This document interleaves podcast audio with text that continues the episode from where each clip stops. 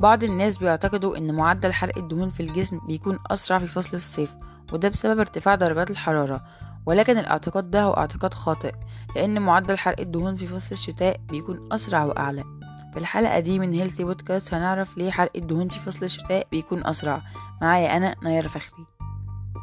في فصل الشتاء بيعاني كتير من الناس من صعوبة فقدان الوزن لأن درجات الحرارة المنخفضة بتؤدي لانخفاض تركيز هرمون السيروتونين في الجسم.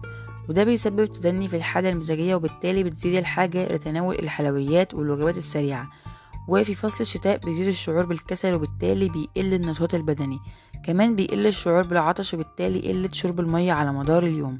وده اللي بيقلل من معدل حرق الدهون في الجسم. ولكن في فصل الشتاء بيكون معدل حرق الدهون أعلى. وده لأن الجسم بيحاول إنه يحافظ على درجات الحرارة الطبيعية وبالتالي بيقوم بحرق الدهون الموجودة فيه. وده اللي بيسبب فقدان الوزن. وبحسب دراسة تم نشرها في موقع ال Science Daily أشارت إلى وجود بروتين اسمه بروتين الساركوليبين البروتين ده موجود في عضلات الجسم وبيعمل على زيادة معدلات الطاقة وحرق الدهون.